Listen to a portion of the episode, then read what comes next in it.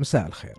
من أكثر الكذبات اللي سمعناها وبعضنا صدقها لفترة طويلة هي حقيقة وجود أشياء زي الديمقراطية، نزاهة الانتخابات، وحرية التعبير، وماني محتاج أجلس أفند لك كل مصطلح وأقول لك كيف وليش ما هو موجود، لأنه قصتنا اليوم راح تتكفل بهالشيء لذلك فض نفسك ووسع صدرك علي شويتين لأننا نبي نطول هالمرة. وخلونا نبدأ من تاريخ 18 من شهر مارس الماضي حين نشرت صحيفة نيويورك بوست في افتتاحيتها مقالة عنونتها ب يجب عليكم أن تستأجروا لوحات إعلانية وتكتبوا عليها.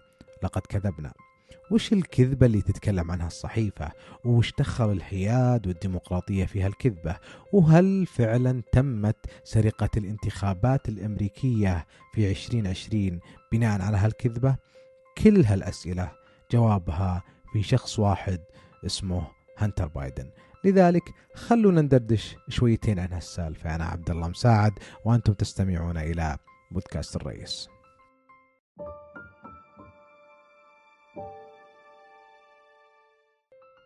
تبدأ القصة في تاريخ 15 من شهر أكتوبر لعام 2020 قبل نهاية الانتخابات الأمريكية بفترة قصيرة. التنافس حامي وكان حامي جدا بين uncle جو بايدن كممثل للحزب الديمقراطي والعم دونالد ترامب كممثل. عن الجمهوريين. الصحيفة اللي هي نيويورك بوست نشرت في ذلك اليوم تقريرا يحتوي على فضائح متعلقة بهنتر بايدن وهو ابن الرئيس الحالي جو بايدن. التسريبات التي وردت في التقرير أتت من كمبيوتر محمول لهنتر ضيعه في ديلاوير وتحتوي على صور فاضحة ومعاملات مالية مشبوهة لهنتر مع الصين وأوكرانيا وروسيا. وقبل لا نتكلم عن محتوى التسريبات خلونا ناخذ لمحة عن تعامل الإعلام وشركات التواصل الاجتماعي في تلك الفترة عن هالقصة.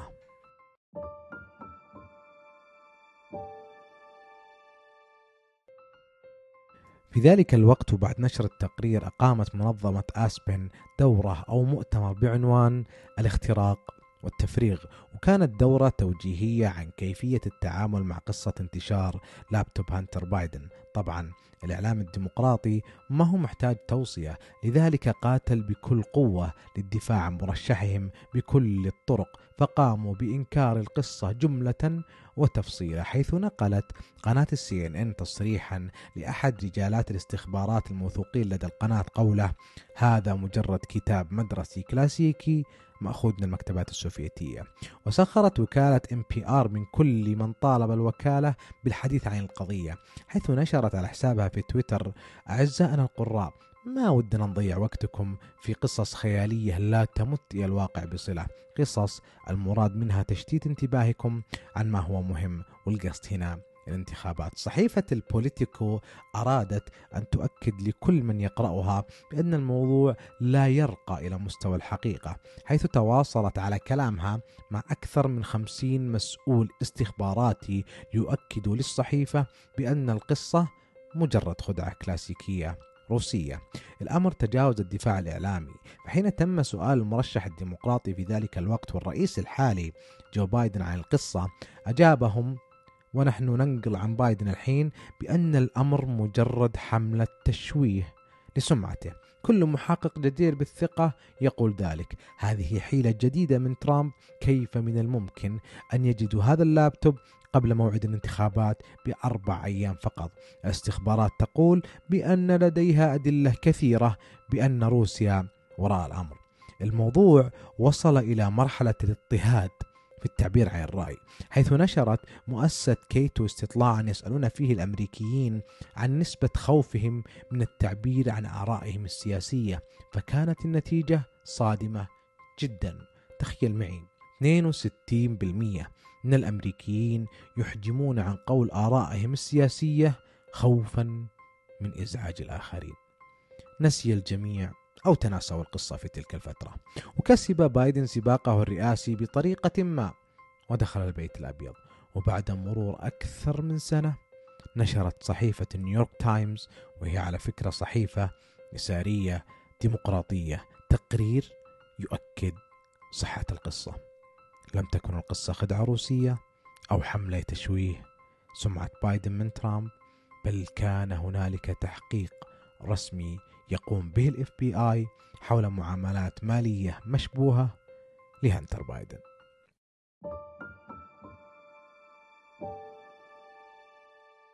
طيب خلونا دامنا جبنا طاري ال FBI نوقف شوي ونتكلم عن تأثيرهم على هالقصة وانتشارها على مواقع التواصل الاجتماعي. وبيك تركز معي يا صاحبي وتعرف إن الكلام اللي بقوله لك الحين ما هو تسريبات صحفية ولا نظريات مؤامرة. أنا بقول لك وبجيب لك معلومات وتصريحات من داخل أكبر عملاقين في شركات التواصل الاجتماعي اللي هم تويتر وفيسبوك. وخليني أبدأ لك من فيسبوك حيث صرح مارك زوكربيرج وهو مؤسس فيسبوك ومديره التنفيذي قال عن هالقصة عندما تم سؤاله من قبل جو روجان قبل تقريبا ثلاث شهور ال FBI كلمونا قبل لا تطلع سالفة هانتر بايدن وقالوا ترى من الممكن أن يكون فيه انتشار لمعلومات مضللة وبروباغندا روسية ولما حولنا عن هانتر لكن شوف الكلام لكننا أحسن من تويتر. إحنا على الأقل ما حجبنا القصة كل اللي سويناه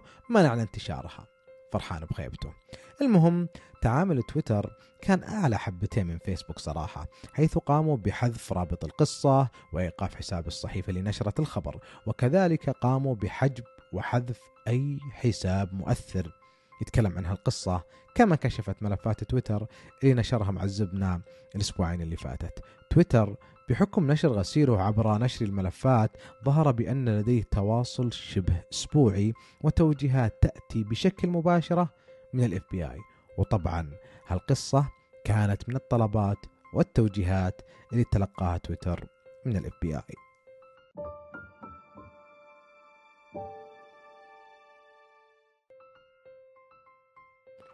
بعد ظهور تقرير نيويورك تايمز أكد بايدن بكل طريقة يستطيع الحديث فيها بأنه لا علاقة له بتعاملات ابنه المالية أبدا جحد ولده لكن تسارع وتيرة التسريبات جعلت بعض القنوات المحسوبة على الديمقراطيين تقوم بتحقيقاتها حيث نشرت قناة CBS تقريرا يقول بأن هنالك أكثر من 150 معاملة مالية مشبوهة مرتبطة بابن الرئيس وأخوه.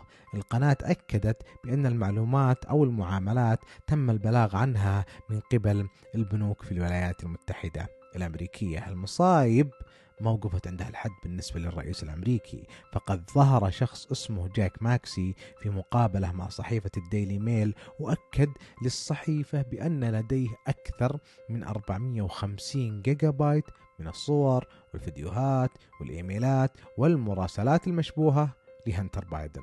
ماكسي أكد الديلي ميل بأنه قد هرب من أمريكا إلى سويسرا خوفا على سلامته وأن خوفه جاء بسبب رفض أكثر من وسيلة إعلامية أمريكية الحديث معه أو حتى السماح بنشر ما لديه من تسريبات. خلونا الحين ناخذ بعض من هالتسريبات مع ردود الفعل عليها إن وجدت.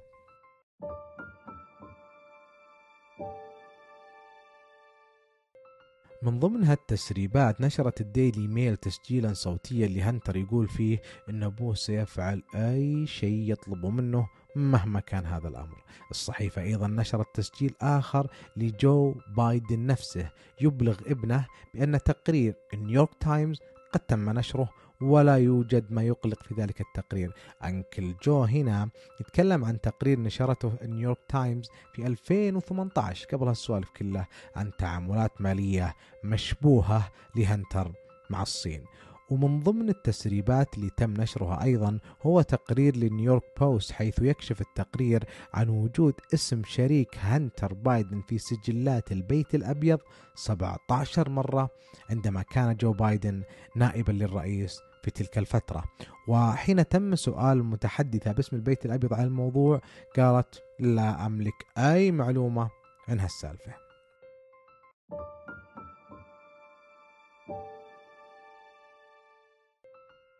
التسريبات أيضا بينت بأن هنالك علاقات مالية مشبوهة بين هنتر وأبوه مع الأثرياء الروس المقربين من بوتين حيث كشفت أحد التقارير بأن أغنى امرأة في روسيا وتدعى يلينا باتورينا قد حولت لأحد مؤسسات هنتر المالية مبلغ ثلاثة ونص مليون دولار. دون إيضاح سبب التحويل. صحيفة الديلي ميل نشرت تقرير آخر يتحدث بأن هانتر قد التقى بشخص اسمه يفتوشينكوف لصفقة عمل في 2012 الشخص هذا يعتبر من المقربين جدا لبوتين. الغريب في الموضوع بأن كل من الشخصين اللي ذكرنا أساميهم قبل شوي لم يتم فرض عليهم أي عقوبات بالرغم من تصريح الرئيس الأمريكي وإدارته أكثر من مرة بأنهم سيعاقبون كل من هم قريب من بوتين بسبب دعمهم له في حربه الظالمة على أوكرانيا.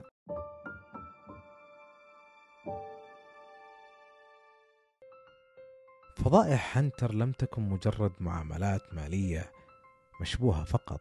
فلقد ربطت بعض التقارير بشبكات دعارة والاتجار بالبشر وجر أبوه معه فيها التسريبات حيث نشرت صحيفة واشنطن اكزامينر تقريرا يكشف بأن جو بايدن كان قد حول لابنه مبلغ مئة ألف دولار في نفس الفترة اللي صرف فيها هنتر مبالغ تصل لثلاثين ألف دولار لشبكات مرتبطة بالدعارة والاتجار بالبشر.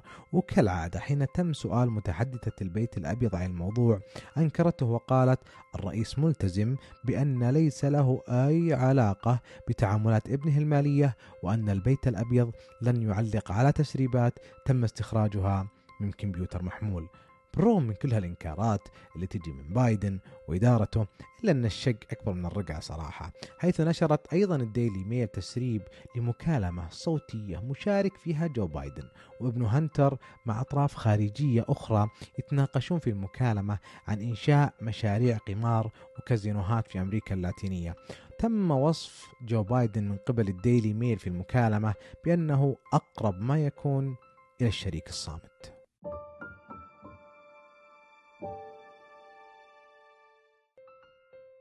أيضا من ضمن الأخبار اللي ارتبط فيها بايدن وولده هو استغلال السلطة في بيع النفط حيث نشرت رويترز قبل خمس شهور تقريبا تقرير يقول فيه بأن أمريكا وبالرغم من الأزمة الحادة اللي تعانيها بسبب ارتفاع أسعار النفط ونقص إمداداته إلا أنها باعت للصين خمسة مليون برميل في تلك الفترة. الخبر ما مر مرور الكرام فبعد ما نزل راحوا الناس يبحثون عن هالسالفة ولقوا إن واحدة من هالشركات اللي تم بيع النفط لها هنتر يمتلك فيها حوالي 10% من أسهمها. محامين هنتر حين تم سؤالهم عن هالسالفة قالوا إن الولد باع حصته من زمان. طيب المن؟ ما ندري. تراني حرفيا مو قاعد أطقطق. حرفيا ما حد يدري.